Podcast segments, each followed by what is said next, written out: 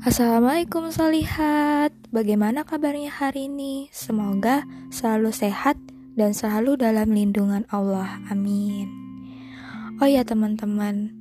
Solihat di sini. Pasti teman-teman udah merencanakan segala sesuatu yang ingin dilakukan kan di bulan suci Ramadan ini. Uh, seperti menambah amalan sunnah atau meningkatkan kualitas ibadah kita. Nah, teman-teman sadar gak sih? Kadang tuh mudah sekali kita membuat rencana, tapi kadang juga eksekusinya memiliki hambatan. Berpuluh-puluh rencana yang kita buat rapi, tapi belum diapa-apakan. Ada aja gitu yang beberapa poin yang kita belum melaksanakan sama sekali. Uh, dari semua itu, hanya satu solusinya sebenarnya, yakni perbaiki niat terlebih dahulu, teman-teman.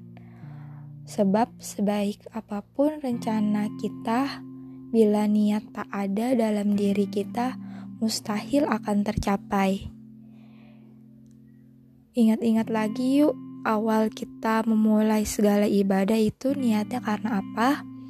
Dan mumpung masih di awal-awal Ramadan ini, mari kita niatkan segalanya karena Allah.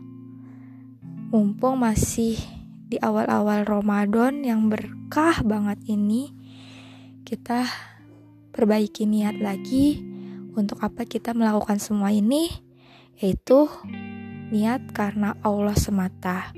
Niat karena Allah niat hanya karena Allah, niat karena hanya Allah.